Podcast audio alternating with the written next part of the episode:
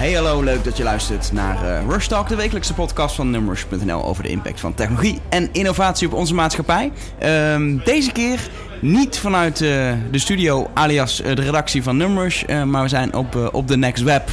Tegenover mij een meter of drie van vanuit. Je, ik voel afstand, Marjolein. Ik ja, weet niet wat het is. We zitten verder van elkaar dan normaal. Ja. maar het valt best mee. We zitten in de studio, de tv-studio van de Next Web. Het was dit jaar voor het eerst dat uh, de programmering van het festival hier live werd uitgezonden. Met ook een televisiestudio waarin mensen werden geïnterviewd en uh, voorbeschouwingen. En daar zitten we nu met de podcast. Mooie plek, heel professioneel. Ja, en we, en we zitten voor duidelijkheid niet met z'n tweeën. Maar we hebben echt we hebben een studio vol. Het is, het is een gekkenhuis. Vol met gasten. Want naast mij Hi, uh, ik ben Nina. Ik, uh, ik, ik ben dit jaar voor het eerst. Ik voel me nog een beetje, beetje onwennig op een techbeurs. Ik, uh, ik ben een diribate, zeg maar. Dus even de bekentenis van de dag. maar ik ben wel geïnteresseerd in start-ups. En ik was hier ook wel op het goede adres daarvoor. Dus dat heb ik vooral meegepakt. Ik ben Erik en jullie kennen mij van de podcast over VR, die we eerder uh, dit jaar hebben opgenomen. Die is uit het jaar 1878, mm -hmm. Toen VR nog hip was, inderdaad. Ik heb uh, nu geleerd dat uh, AR helemaal de toekomst is. um, en ik heb ook twee dagen meegelopen op, op deze mooie techbeurs en heel veel leuke dingen gezien. Ja, klopt. Nou, en um, het leek mij wel een goed idee om uh, met elkaar eens even... Er zit deze... iemand achter jou die echt een beetje heel snel aan het kijken is. Nu. Wil jij je ook graag voorstellen, Johan Voets? En ik ben Johan Voets en ik hoor er niet bij. Johan Voets jo Johan is vandaag, doet... vandaag, van de productie. Ja, precies. Johan zit echt gewoon de techniek te doen hier. Nou, dat, uh, dat doet hij goed. Dus je hebt ook geen microfoon, dus uh, dat scheelt. Nee, het leek, mij, uh, het leek mij leuk om even met elkaar door te nemen. Want uh, het was dit jaar groter dan ooit hier op de Next Web. Ik ben echt ontzettend onder de indruk. Ik weet niet wat jullie ervaring hier is, maar dit is mijn tiende keer op, op de Next Web. Dit jaar, ze bestaan elf jaar. En um, ja, het is, volgens mij elke dag liepen hier ongeveer 10.000 mensen rond het voelt een beetje als, als een soort Lowlands, maar dan voor, voor nerds. en, en ze hebben allemaal laptops en te telefoontjes. Maar er zijn, er zijn food trucks en er staan bands op te treden. Er is overal dikke dubstep muziek de hele dag... die de sprekers aankondigen alsof het een soort superhelden zijn. Ja, en dat zijn het natuurlijk vaak ook wel. Want het zijn mensen die bij Facebook en bij Google en Team Hyperloop en uh, Gary Vaynerchuk, een bekende ondernemer. En we hadden vandaag Casey Neistat, een hele beroemde YouTube-vlogger. Dus ja, het zijn ook wel een beetje de rocksterren van het internet. Dus, ja, het uh, enige wat ontbreekt zijn dansende mensen eigenlijk. Uh, dat is het enige. Ik ben blij dat ze die heb, thuis hebben gelaten. Ik heb net dansende mensen gezien. Oh. Er, was een, er was een sessie waarbij dansen, ze een apparaat dansen. hadden... waarbij muziek werd gemaakt op basis van bewegingen.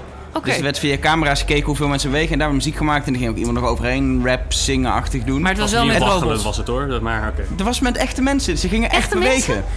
De, oh het publiek ging bewegen. Het was crazy. Oh my god. Vooral die mensen in pak. Als die gaan, dat moeten ze niet doen. Dat ah, het valt reuze mee hier. Ik heb veel, er lopen hier wel wat mensen in pak rond. Maar ik hoor veel mensen in pak tegen elkaar zeggen... ik, ik ben helemaal overdressed for the occasion. Ja, het kan ik, echt ik, niet. Ben, je moet gewoon gimp en spijkerbroek aan hebben als je naartoe komt. Ik ben natuurlijk dinsdag uh, op de opening geweest van Startup Fest. Uh, dat evenement met Tim Cook, Eric Smith. Dat soort, uh, dat soort mensen. Dat was een saaie corporate bende dat ik dacht... wat doe ik hier? Ik voelde me echt totaal out of place. Startups voor de elite. Het, ja, nee, maar echt. Het was, het was, er was geen start-up te bekennen daar op de opening van Startup Fest. De startups waren op het enige niet-startup fest evenement van deze week. Namelijk de Next Web. Ja, nou ja, dat is hier wel anders. Want er lopen hier echt volgens mij alleen maar jonge mensen rond. Allemaal programmeurs en designers en mediamensen. En uh, ja, die leuke dingen aan het doen zijn. Dus... Uh, Laten we eens even doornemen. Uh, Dirk, wat is het leukste wat jij de afgelopen twee dagen hier gehoord hebt? Nou, ik, ik moet je verbeteren, want het meest interessante was het. Okay. Uh, en dat is Peter Sunde. We hebben uh, al een leuk artikel op nummers uh, geplaatst eerder over hem. Toen vond ik het een, een beetje een, een, een, aparte jongen. Maar nu ik hem zelf heb horen praten, was hij toch wel super interessant. En vooral over hoe hij mensen eigenlijk bewust maakt van dat start-ups ook niet alleen maar problemen moeten oplossen, maar ook dat ze moeten kiezen welke problemen ze nou precies oplossen. Dus de waarom, dat die eigenlijk het allerbelangrijkste is. En ja, dat heb ik geleerd van, uh, van, van Peter Sunde. Uh, natuurlijk ook leuk verhaal over hoe de Pirate Bay ontstaan is, wat hij allemaal precies gedaan heeft. Ik ga een documentaire kijken over de Pirate Bay. Dus dat was eigenlijk mijn toppunt van, van, de, ja, van vandaag en van de hele beurs. Echt iets van geleerd. Ja, nou ja, het bevestigt mijn ideeën eigenlijk al een beetje over hoe startups nu functioneren. Ehm, vooral dat we kritisch moeten zijn en kritisch moeten kijken naar uh, wat, wat bedrijven precies doen. Gary uh, had het ook een beetje. Uh, die heeft gisteren gepraat. En um, ja, dat was, was ook een heel mooi verhaal over hoe bedrijven eigenlijk gewoon geld moeten gaan opleveren. Het was heel erg corporate, heel erg Amerikaans, maar wel heel erg waar. En Peter Sunde heeft dat nou ook een beetje gedaan over de ideologie achter bedrijven en startups. Dus dat vond ik eigenlijk ja, ook vooral op zo'n beurs gewoon noodzakelijk dat het er was. Nina, jij zat vanochtend bij volgens mij een hele serie van presentaties van startups die ook allemaal iets, ja, echt iets goeds willen doen in de wereld. Ja, klopt. Ja, ik, ik, het verbaasde me eerlijk gezegd dat er dus zoveel maatschappelijke startups zijn. Ehm, ik, ik ben zelf ook het experimenteren met ondernemen en ik merk dat het eigenlijk uh, lastiger is om echt een goed business model te hebben, waar je eerder gaat zitten op echt coole, mooie ondernemingen die de wereld wat beter maken. En deze mensen die ik heb gezien, die bevestigden eigenlijk dat uh, ondernemen uh, geld verdienen samen kan gaan met eigenlijk het, het zijn van een social enterprise. Uh, wie ik heel mooi vond was Leila uh, Jana. Uh, sowieso een bloedmooie vrouw, maar dat, dat deed er niet toe. Want haar verhaal was gewoon echt sterker dan menig man die daar stond van haar. Ze was wel een van de weinige vrouwen. Ze heeft een soort bedrijf opgericht waarmee ze arme mensen kan voorzien van werk. En dat kan zeg maar met digitaal werk. Dus via internet kunnen mensen nu in, in armere landen simpele klusjes doen. Zoals datasets ordenen of fouten uit, uit, uit websites halen. Dat soort dingen. Daar heeft zij voor gezorgd. En dat is gewoon heel cool. Mensen hebben nu gewoon werk, uh, uh, steken hun handen uit de mouwen en willen dus ook eigenlijk geen uh, liefdadigheidswerk. Ze willen geen spullen krijgen, zegt ze, maar ze willen gewoon keihard werken. En, en daar zorgt zij dus voor. Maar dit zijn, dit zijn mensen die dus in Afrika of in Azië of in, in een ontwikkelingsland. En die krijgen van haar een computer of een mobieltje. En dan gaan ze gewoon data entry of zo zitten doen. Nou uh, vaak beschikken ze wel over wifi. Uh, ze krijgen inderdaad uh, computers of ze zitten in een ruimte, een soort redactie. Um, en voornamelijk ja, kleine taken. Dus, dus die mensen zijn super enthousiast dat ze eindelijk een keer kunnen werken. En bedrijven uit Silicon Valley maken er gebruik van. Dus het is totaal geen traditional charity. maar gewoon, gewoon zaken doen, gewoon werken. Ondertussen zit uh, Dirk een Snapchat te maken, geloof ik. Er wordt hier echt aan alle kanten gesnapchat, Instagram. Fantastisch media-experiment. Het is echt... Uh, en ik, ik, ben ook heel de tijd met een schuin oog aan het kijken naar alle mensen die buiten lopen. Want die denken, wat gebeurt daar in die studio? En er komen hier ook af en toe start-up mensen binnenlopen... die nog heel graag een interview willen geven. Ja, ik Omdat hoop ze denken dat, we dat wij van CNN zijn. Dus. Dat we zometeen nog een pitch krijgen. Lijkt me gewoon lachen. er komen er zo vast nog een paar binnenvallen. De eerstvolgende die binnenkomt, die trekken even voor de microfoon. Dat lijkt me een goed ja, idee. Kom maar vertellen. hey, uh, Elger, heb jij nog wat meegepakt van Next Web? Of, of, want jij was natuurlijk op Campus Party in Utrecht vandaag. Ja, het is wel leuk. Ik, ik, ik ben op Campus Party geweest uh, eigenlijk vandaag uh, en gisteren. En toen ben ik vanmiddag naar de Next Web gekomen. En Campus Party is jonge mensen, studenten. Een, een licht tikkie nerdier dan hier. Uh, er wordt echt gewoon live gecode, gegamed, uh, dat soort dingen. Gekookt? He gekookt. Oh, gekookt. Code schrijven. Kom op Marjolein. Kook. Hallo, ik ben hier de digibate. Op de, wc, op de wc werd ook gekookt misschien, dat weet ik niet, want er werd weinig geslapen volgens mij. nee, maar, maar het punt... Ik help één keer niet mee. nee, maar, maar het, de grap was, uh, uh, het leuke is, er staan uh, sprekers die op de Next Web stonden, stonden daar ook, maar de vibe is heel anders. Het is heel erg, daar zit heel erg een, een, een, een minder ondernemende vibe en een meer maatschappelijke vibe. En ook een meer voor leuke dingen doen. En, Want en, wat, wat is Campus Party precies? Ja, het is, het is een evenement um, wat uh, in, in Spanje ontstaan is als een landparty, dus gaming. En maar daar hebben ze eigenlijk op een gegeven moment bijgetrokken. We gaan presentaties doen over uh, leuke technische onderwerpen. Maar we gaan ook challenges en hackathons doen om daadwerkelijk maatschappelijke problemen op te gaan lossen. En vervolgens is dat uh, dus uitgegroeid en is toen uh, eigenlijk verplaatst naar Zuid-Amerika. En daar is het echt heel erg groot geworden. Um, daar, op, ondertussen valt hij de halve studio in elkaar. Doe je voorzichtig Marjolein. Um, in in uh, Zuid-Amerika is het echt heel erg, heel erg groot geworden. En ja, nu proberen ze het ook in Engelstalige landen, waaronder dus Nederland. En het is, een heel, ja, het is een, echt een heel nieuw fenomeen. We kennen dat nog niet, die campersparty. En ik, vond maar dus, ik zag ook echt een foto met allemaal tentjes. Ja, ze slapen in, uh, in een van de halve van de jaarbeurs. Staan, er staan bijna 2000 kleine witte eenpersoonse koepeltentjes. En daar wordt gewoon geslapen. En ja, het is echt... Uh, en gekookt. Nee, nee, niet gekookt. Kom op nou. nee, maar het is echt, uh, echt superleuk evenement. Het is voor mij wel heftig om vanmiddag hier. hier. te komen. Het is een heel andere vibe. Het is even, even schakelen in mijn hoofd. Maar het is wel ja, de next web. Er was heel veel deze week. Hè? Want wij, zijn gisteren, wij hadden gisteren een beetje hetzelfde. We zijn dan naar Digital Marketing Live geweest. Dat was ook in de beurs van Berlaag. was veel meer marketing event. Ik was in de beurs van Berlaag natuurlijk voor de Startup ja, Fest, uh, kick-off. Maar dit is wel, uh, uh, en dan ga ik niet Campus Party, ga ik niet afkraken. maar de, de sfeer die hier hangt, hier voel je zomer. Hier voel je festival. En Campus Party wil het ook zijn, maar Campus Party zit in, zit in de jaarbeurs in donkere hallen zonder enige vorm van daglicht. En dat is jammer, want als, dat, als meer buiten zou zijn of een buitendeel zou hebben, zou je de vibe die je hier voelt daar ook meer krijgen. En die, die mist een beetje. Johan, wil even dat alarm uitzetten? Sorry, dat is het bieralarm. Dat is het bieralarm. Tijd om een biertje te gaan halen. Hey, dat is leuk dat je dat zegt, want um, um, ik, ik had even geleden een, een, kort interviewtje even met Patrick de Leve, een van de co-founders natuurlijk van, uh, van The Next Web.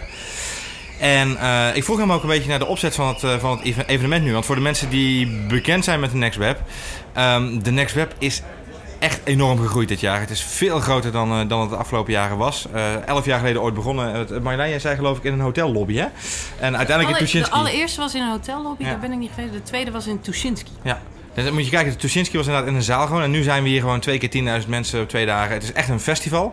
Um, en ik vroeg, ik vroeg Patrick ook van, joh, hoe, hoe hou je dan wel die speciale Next Web saus daarin, om zo maar even te zeggen. En uh, ja, dat is wel leuk. Daar had hij het volgende eigenlijk over te zeggen. Ik denk dat we wel hebben bewezen, ja, we kunnen groot, maar we kunnen het wel op een goede manier doen. Nou, dat heeft te maken met, kan je, uh, uh, het is eigenlijk een, een, combinatie tussen business en festival. Ik bedoel, wij zijn geen business conference, als in de enige reden waarom je hier bent is business. Nee, je komt hier voor business, ja zeker. Je moet, je moet wel geld verdienen. Je moet wel, je moet uiteindelijk moet je return on your investment krijgen. Tuurlijk. Dus daar doen we allerlei dingen aan. En dat kan, dat kan altijd beter. Dus daar kunnen we altijd in blijven verbeteren. Daarnaast wil je, uh, kom je hier voor inspiratie. Nou, kijk je naar de line-up. Kijk je, inspiratie is niet alleen line-up. Is ook hoe ziet het eruit? Uh, hoe ziet het terrein eruit? Uh, hoe denken wij na over de dynamics? Van hoe, hoe loop je binnen? Waar loop je binnen? Waar zit wat? Nou, daar wordt allemaal heel veel tijd in gestoken. En uiteindelijk is een venue is ook eigenlijk een, een participant, zeg maar. Hè? Dus dan heb je daarnaast dat festivalgevoel. Hoe creëer je dat? En, en, en dat is natuurlijk uh, uh, ook een onderdeel van, van zoiets. Dus je kan niet de hele dag full pool content naar binnen zuigen en, en rammen. Dus je wil ook lekker een beetje buiten biertje drinken of koffietje halen en goede gesprekken hebben. En ik denk, ja, de balans daartussen en die vinden, dat is nou typisch iets Amsterdams. En, en, en dat, dat proberen we heel erg duidelijk naar voren te brengen. In eigenlijk in alles wat doen. Nou goed, je ziet dus inderdaad dat, uh, wat Patrick eigenlijk onderstreept is ook dat de innovatie is niet alleen maar heel de dag content tanken en, uh, en, en inspiratie opzuigen in, in zalen. Hoewel het een groot en belangrijk onderdeel is hier. Maar ook die combinatie van uh, netwerken, go goed eten en een, uh, en een juiste sfeer creëren. En dat is wel, vind ik heel speciaal. Dit is echt een enorm event. Maar het voelt voor mij, en ik kijk even Marjolein een beetje aan, want wij zijn een beetje de, de, de oude lullen nu in deze uh, setting. um, het voelt voor mij een beetje, damn. het voelt voor mij een beetje als nog steeds hetzelfde gevoel als vorig jaar of het jaar daarvoor of het jaar daarvoor. Eigenlijk zijn we misschien wel met z'n allen meegegroeid met het gevoel van Boris en Patrick, maar nog altijd even toegankelijk. Het is nog steeds gewoon onze next web, zou ik bijna willen zeggen. Nou, het heeft, het, het, ze kijken wel, en misschien mag je die vergelijking niet maken, maar is, ze kijken een beetje naar hoe Sauber Zuidwest daarom toch, ja, toch wat breder doet dan alleen, die, dan alleen die sessies.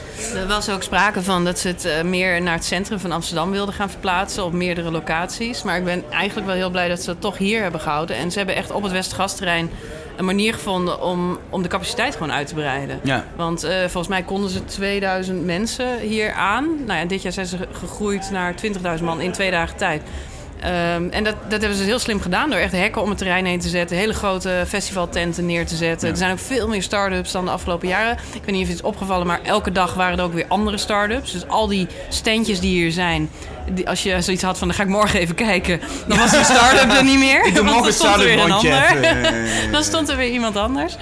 Dus uh, nee, ze hebben gewoon echt een manier gevonden om juist op dit mooie terrein uh, ja, heel erg de, de, de grootte toch uh, uit te breiden. En ja, die food trucks, dat maakt het natuurlijk ook super gezellig. En iedereen, er zit al hier om ons heen, allemaal zitzakken. En me, mensen zitten lekker met biertjes en er staan DJ's. En ja, dat is wel uniek, denk ik, voor een... we hebben goed weer, dat moeten we ook bij ja, zeggen. Ja, dat is heerlijk weer.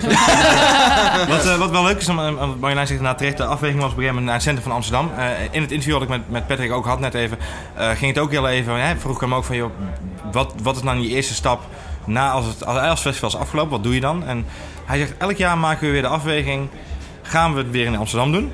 Dat is de eerste vraag. En, en daarnaast gaan we het nog groter maken. Wat willen we? Waar gaan we, naar welke festivals kijken we om meer inspiratie uit te halen?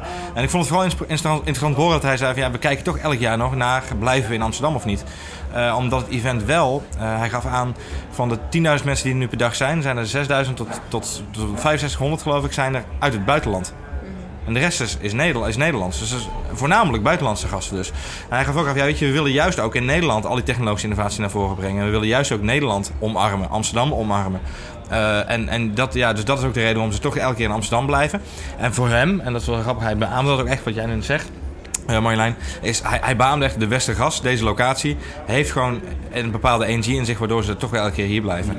En, en ik denk wat een voordeel is, Nederland op zich, als je naar Europa kijkt, natuurlijk ook voor heel veel Amerikanen goed bereikbaar. Je kan gewoon vanuit Silicon Valley en ook uit New York en eigenlijk alle plekken waar, uh, waar veel start-ups zitten en veel, waar veel technologiebedrijven zitten, kun je directe vluchten boeken naar, uh, naar Schiphol. Gewoon lijnvluchten twee keer per dag. Ja. En uh, weet je, hotels, Airbnb is ook geen gebrek in de ja. stad. Dus het is, het is, het is denk ik voor Europa, in ieder geval als je in Europa blijft, het is gewoon een toplocatie. Om en dat geldt, geldt trouwens ook voor de sprekers, hè? want ze halen natuurlijk ook sprekers hier naartoe omdat ze Amsterdam kunnen aanbieden. Hetzelfde geldt voor Le Web in Parijs, daar komen ook uh, de, de Amerikanen natuurlijk op af. En uh, dat was wel een leuk verhaal, want we hadden natuurlijk vandaag de YouTube celebrity Casey Neistat op het podium staan. Die vanochtend... Uh, je hebt hem gezien. Dat is meer, dat, in het ik, echt? In ik, het echt? ik ben er dus alleen mee gegaan omdat ik dan op feestjes dat kan zeggen. Want ik, weet je, dat ik, je hem in het echt Ik had nog nooit een filmpje, ik had één keer een filmpje Hoe oud ben jij, Elge van der Wel? Um, 16. Ik ben een twintiger. Oh ja. dat is het politiek correcte antwoord, toch? Hey, Dirk, jij bent wel fan van Casey, toch? Ik uh, kijk Casey vaak tijdens het ontbijt inderdaad. Ik, als als elke dat mij als fan als, definieert, als dan, uh, dan... Nou ja, niet elke dag, maar ik probeer altijd wel een beetje mee te krijgen. Gelukkig lijken de filmpjes een beetje op elkaar. Dus dan mis je niet heel veel op het moment dat je uh, er eentje tussenuit ja, mist eigenlijk. Maar ik vond, vond zo'n talk, ja, het was natuurlijk een echt typisch Amerikaanse presentatie. Het was super smooth. leuke dingen dat hij verteld heeft. maar het sprak mij wel aan als echte twintiger. En kun je, kun je voor de mensen die hem niet kennen hoor, want er zijn er in Nederland wel mensen die zo, over wie gaat het? Kun je een beetje omschrijven wie hij is en wat voor sfeer er vandaag om hem heen hing? Um, de sfeer was alsof een hele bekende zanger of zangeres uh, kwam optreden alsof eigenlijk. Bono het van was, YouTube, mensen waren echt een beetje starstruck. Ja. Um, je zag ook een beetje nerveus in het publiek zet. De zaal zat vol, wat bijna bij geen enkele andere presentatie was. Um, hij is een vlogger, uh, woont in New York. En New York uh, functioneert als zijn decor eigenlijk. Heeft ook een start-up gemaakt, maar is daar niet echt bekend mee geworden. Het gaat voornamelijk zijn YouTube-vlogs, die hij al meer dan een jaar elke dag maakt. En dat maakt hem zo speciaal. Dus elke dag een nieuwe video. Je kunt gaan kijken. Um, hij geeft alles open bloot. Laat zijn proces zien. Um, ja, het is eigenlijk gewoon super informatief voor mensen die ook uh, iets met video willen gaan doen.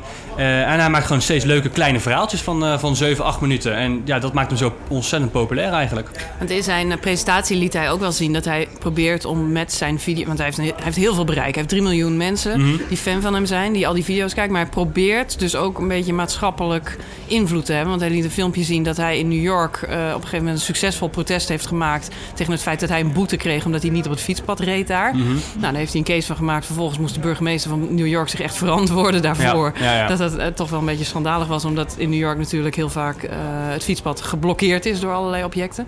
Um, en de andere video die hij liet zien is, hij wordt heel veel benaderd nu door allerlei marketeers en mensen, grote bedrijven die iets van hem willen. En hij was benaderd om um, de promotie voor een uh, film te doen, The Secret Life of Walter Mitty. toch? Dat Heet zou die film? kunnen. Ik heb de film niet gezien. Ik ook Het niet. schijnt niet zo leuk te zijn, maar... Nee. Hij gaf zelf in de talk ook toe dat het niet zo'n goede film was. Oké.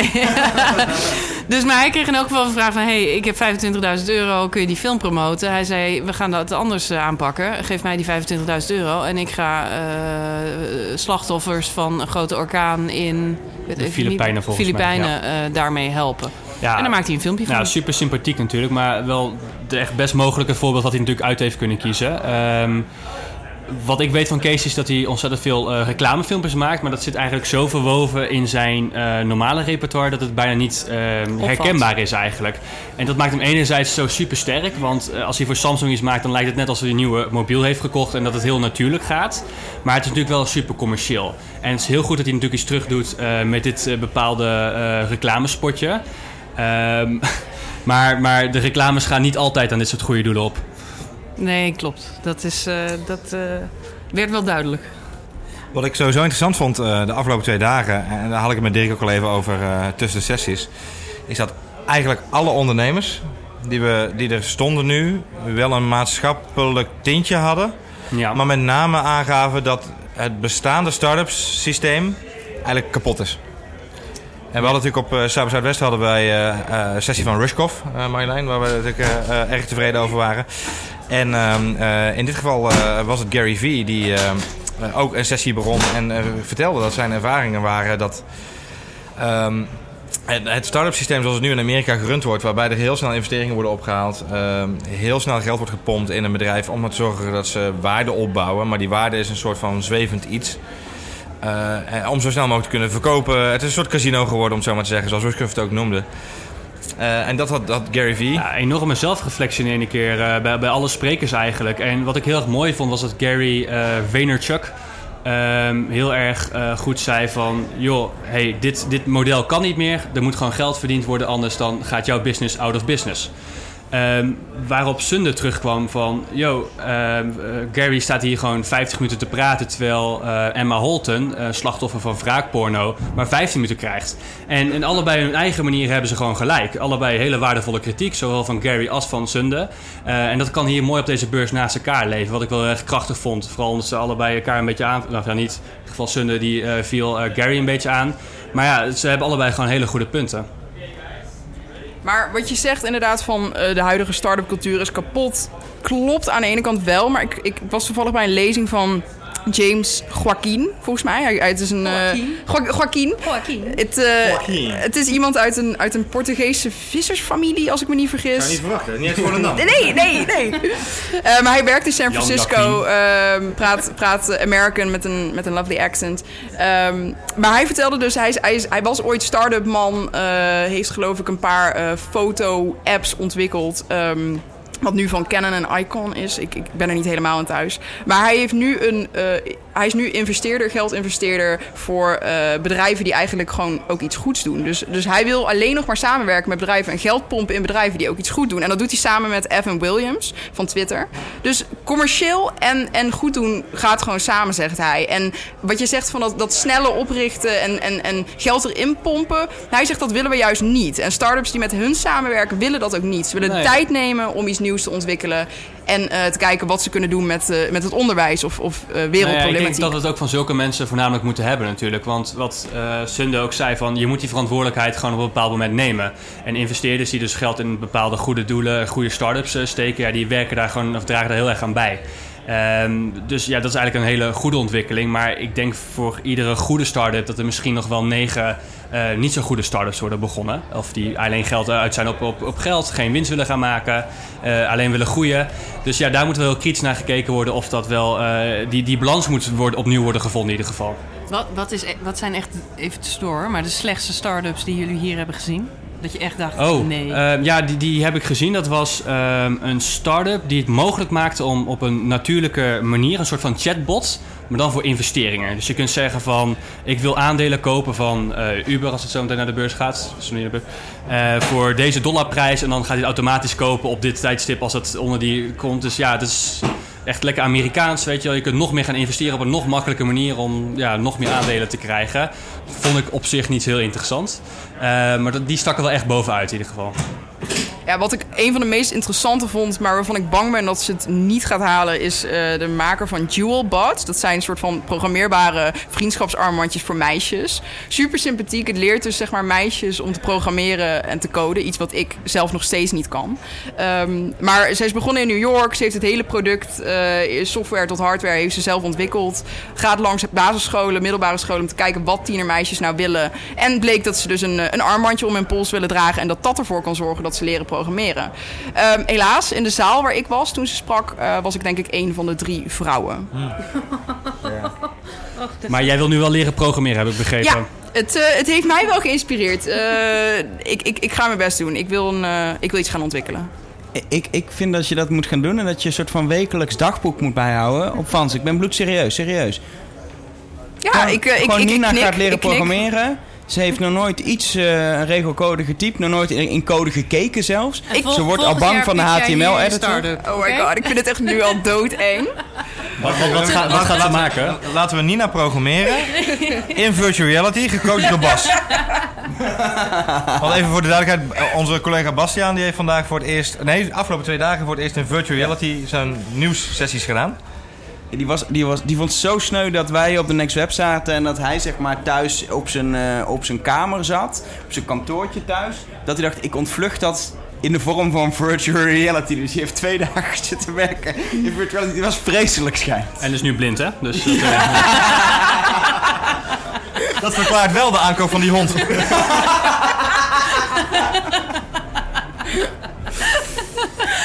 Sorry, tot zover de in-crowd numerous reductie humor. Uh, Marjolein, wat, wat, heb jij, wat heb jij nog iets leuks uh, gezien? Ik uh, zat vandaag helemaal, helemaal aan het einde van de dag bij een presentatie van Buffer. Mm -hmm. Ik ben heel erg fan van Buffer. Buffer is een tool waarmee je content op social media kunt inplannen, onder andere. Oh, ik dacht buffer van als je een videootje niet wil laden op YouTube, dat hij dan buffert. nee, dat is Dat heb ik met het wifi wel vaak gehad inderdaad. Dus, uh... heel erg lang geleden. Nee, maar goed, Buffer staat natuurlijk bekend om... Uh, of zij zijn echt een beetje een showcase geworden van transparant, transparante bedrijfsvoering. Dus zij hebben op een gegeven moment gezegd... Uh, we gaan al onze salarissen openbaar maken. Ze hebben een pagina gemaakt waarop je precies kunt zien wat je gaat verdienen als je bij Buffer werkt. Als je developer bent of als je designer bent. Verschillende levels. Dus, en iedereen weet ook van elkaar wat ze verdienen. Uh, en ze hebben nog met allerlei andere managementtechnieken geëxperimenteerd, zoals uh, geen managers. Nou, dat bleek niet zo goed te werken.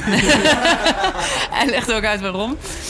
Um, maar ook bijvoorbeeld remote working. Hij zegt, je moet mensen ook de vrijheid geven om gewoon op een andere locatie te laten werken. Wat ik wel grappig vind, omdat we dat zelf natuurlijk op de redactie ook wel een beetje als filosofie hebben. Dat je niet uh, per se van 9 tot 5 achter een computer hoeft te zitten om, om daar al je content te maken. En soms heb je focus nodig. En focus kun je misschien wel veel beter vinden als je vanuit huis werkt of vanuit de coffeeshop of wat dan ook. Um, dus hij had daar een leuk verhaal over hoe bedrijfscultuur. En ik, er waren meerdere presentaties over. Ja. Over hoe bedrijfscultuur binnen een start-up of binnen een grotere organisatie heel belangrijk is om gewoon de allerbeste mensen in het vak aan je te binden. Ja, volgens mij een hele leuke presentatie over van Indiegogo uh, die we bij hebben gewoond. Ja, zeker. Ja, ja was heel tof. Uh, zij benadrukte inderdaad De Dani Ringelman. Ik kan haar naam niet echt uitspreken. Dana. Dana. Dana. Het is Dana. uh, Dana die sprak inderdaad over die bedrijfscultuur. Dat dat zo belangrijk is. Want je trekt daarmee gewoon werknemers aan die echt voor je willen werken. En, en met jouw waarden het eens zijn. Dus ik, ik denk inderdaad dat dat is waar je het net over had. Dat is gewoon super belangrijk. En meerdere sprekers benadrukten dat. Um, wat ook heel erg werd benadrukt was, um, was soort van het stugge doorgaan. Wat eigenlijk heel nuchter is. Maar door iedere Amerikaan uh, werd aangehaald. Dus uh, er is zelfs een, een stoïcijnse levenskunst voor. Ryan Holiday, dat is een uh, auteur van The Obstacle is the Way. En hij praatte gewoon heel Amerikaans, maar ook dus wel weer nuchter over hoe het geen ramp is als iets, als iets tegenstaat. Dus obstakels kunnen je juist verder helpen. Wat ik wel een beetje gemist heb, zijn eigenlijk hele grote faalverhalen. Die heb ik niet echt, uh, niet echt meegekregen. Echt een, een, een, een faalverhaal waar je denkt van, nou, daar kan ik iets van leren om dat vervolgens niet te doen. Ja, maar dat doet het niet zo lekker op de sprekerslijst, want die mensen die kennen we niet. Zijn wel lekker goedkoop daarentegen. Ja, ik vind het juist wel lekker dat, uh, dat hele verheerlijken van het falen, dat het weg is. Ik heb maar echt wel jarenlang mateloos geïrriteerd aan, uh, aan het feit dat, uh, dat dingen maar gewoon, weet je, falen om succes te halen. Falen om, om beter te worden. En ja, natuurlijk, je moet lessen leren. Maar het woord falen zo benadrukken in, uh, in dit soort omstandigheden vind ik altijd, altijd een beetje aan geïrriteerd. Dus ik ben ook wel een beetje blij dat het een beetje weg is. Dat we een beetje positieve energie hebben, dat we er weer tegenaan kunnen. Er, was, uh, er, er, er, zijn wel altijd wat anekdotes. Gisteren zag ik Nalde van uh, WeTransfer. Mm -hmm. En uh, Boris die interviewde hem, Boris van de Next Web. En die vroeg hem van, uh, heb je nog tips? Heb je nog dingen die je zelf echt verkeerd hebt gedaan? Waarop Nalde zei, nou, wat je sowieso niet moet doen... is grote adverteerders uh, afzeiken. Want dat kan nog wel eens backfire in je face. Maar Boris zegt, dat heb je wel eens meegemaakt, toch? Nalde zegt, ja, het is wel eens voorgekomen... dat ik gewoon ronduit tegen een adverteerder heb gezegd... ik vind je design niet mooi of ik vind je advertentie lelijk... Hij zegt ja, en dat kun je dan doen omdat je denkt dat je direct en eerlijk bent. Uh, maar als je vervolgens zo'n hele grote adverteerder kwijtraakt als bedrijf. en je hebt mensen op de, de payroll staan en je hebt verantwoordelijkheid. Uh, ja, dan kun je dat financieel helemaal niet maken. Om nee, dat is een goede les, denk ik. Vooral omdat je dan met verschillende culturen waarschijnlijk ook zit. Je, in Nederland zou dat misschien wel kunnen, terwijl als je met een Amerikaans bedrijf contact hebt, ja, dat het helemaal not done is natuurlijk. Ja. Nederlandse directheid. Hij zegt nee, maar dat, dat soort verhalen heb ik wel een, een, klein beetje gemist inderdaad. Maar ik ja. ben blij dat ik dit nu gehoord heb. Ja. Hey, speaking of uh, virtual reality. Um, Dirk, jij hebt een aantal sessies gezien over virtual reality, over de Hyperloop, over zelfrijdende auto's. Ja, ik heb wat, eentje wat, gezien. Wat, wat denk jij oh. dat er eerder realiteit is? nou ja, VR hebben we natuurlijk al een beetje. Uh, ik was het meest enthousiast, laat ik het zo zeggen, over de Hyperloop. En het was een heel duidelijk verhaal van wat er nog moet gebeuren om dat realiteit te maken. Uh, ze hebben een testtrack zijn ze aan het bouwen. Uh, de, de techniek is redelijk rond. De investeringen zijn rond. Veel mensen werken eraan mee. Dus de Hyperloop, uh, ik, ja, ik wist wel dat het bestond. Ik wist niet dat het zo dichtbij was. Dus dat heeft me wel erg aangesproken en ook hoe, heel erg enthousiast hoe, gemaakt. Hoe dichtbij is het? Nou, um, nog wel vijf tot tien jaar waarschijnlijk voordat er daadwerkelijk echt een, een lijn ligt. Maar het is natuurlijk een gigantisch infrastructuurproject. Ze willen echt een, een, een lijn bouwen van uh, San Francisco naar LA. Dat, zijn, ja. uh, dat is iets van 600 kilometer. Dus dat is een gigantisch project. En voor wie het uh, niet weet, de Hyperloop is de snelste trein ter wereld. Ja, dus het is een soort van buis, een vacuümbuis... waar een capsule doorheen wordt geschoten. Dat is eigenlijk de simpelste uitleg die je kunt krijgen... met snelheden boven de 1000 km per uur. Uh, komt erop neer dat je binnen een half uur van de ene stad naar de andere stad kan. Als je het in Europa doorvertaalt, dan kun je eigenlijk gewoon in de ene stad, uh, in één land leven. En vervolgens in het andere land gaan werken. En dat idee heeft me eigenlijk het meest getriggerd, deze hele beurs. Van als dat mogelijk is, dan um, zie je op een hele grote schaal zometeen um, echte verandering. Want we hebben het natuurlijk over VR, hoe dat allemaal gaat veranderen. Daar heb ik zelf ook een heel artikelreeks over geschreven. Um, maar dit heeft, kan potentieel zoveel meer impact hebben... dat ik het wel echt de moeite waard vind om dat te volgen. En, en, wat interessant eraan is, uh, uh, het bedrijf waar je bent geweest, Hyperloop Transport Technologies. Ik heb de CEO toevallig uh, vandaag ook nog geïnterviewd op, um, op want daar spreekt hij vandaag. Weet je, die, die mensen gaan gewoon al die, uh, al die evenementen af.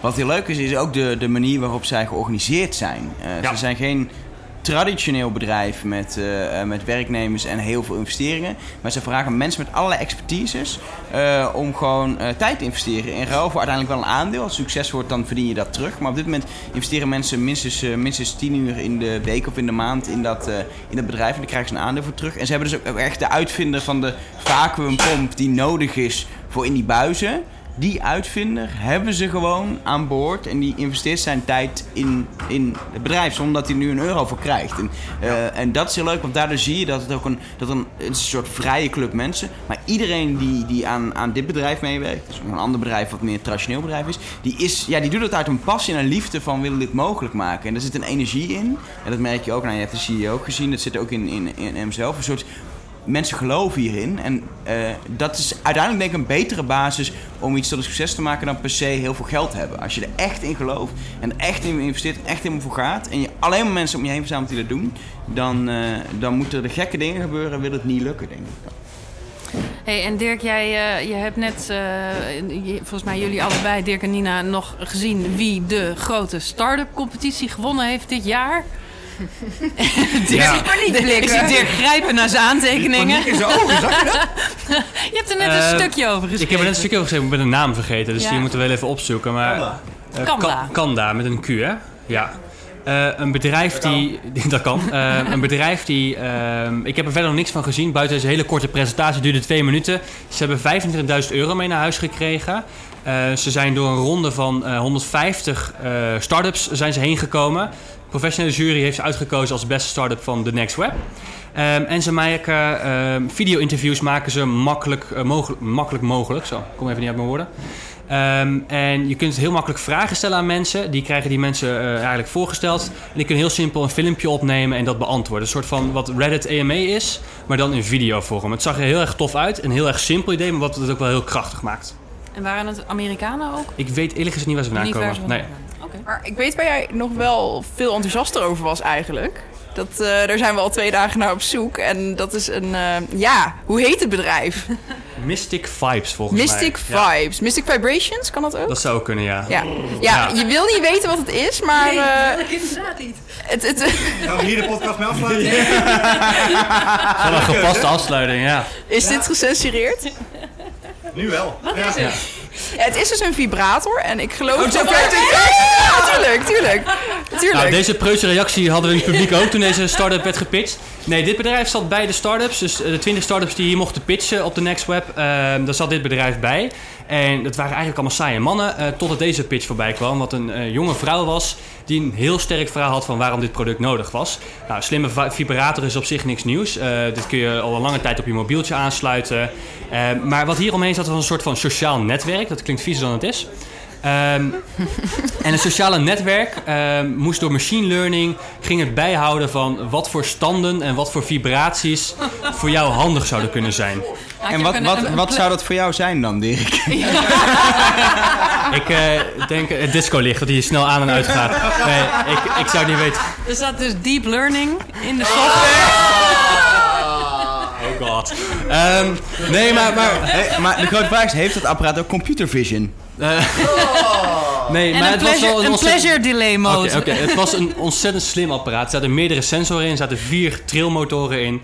Um, en, en wat, wat het idee was, is... Um, het achterliggende idee was dat we steeds minder tijd... Idee? Het achterliggende idee...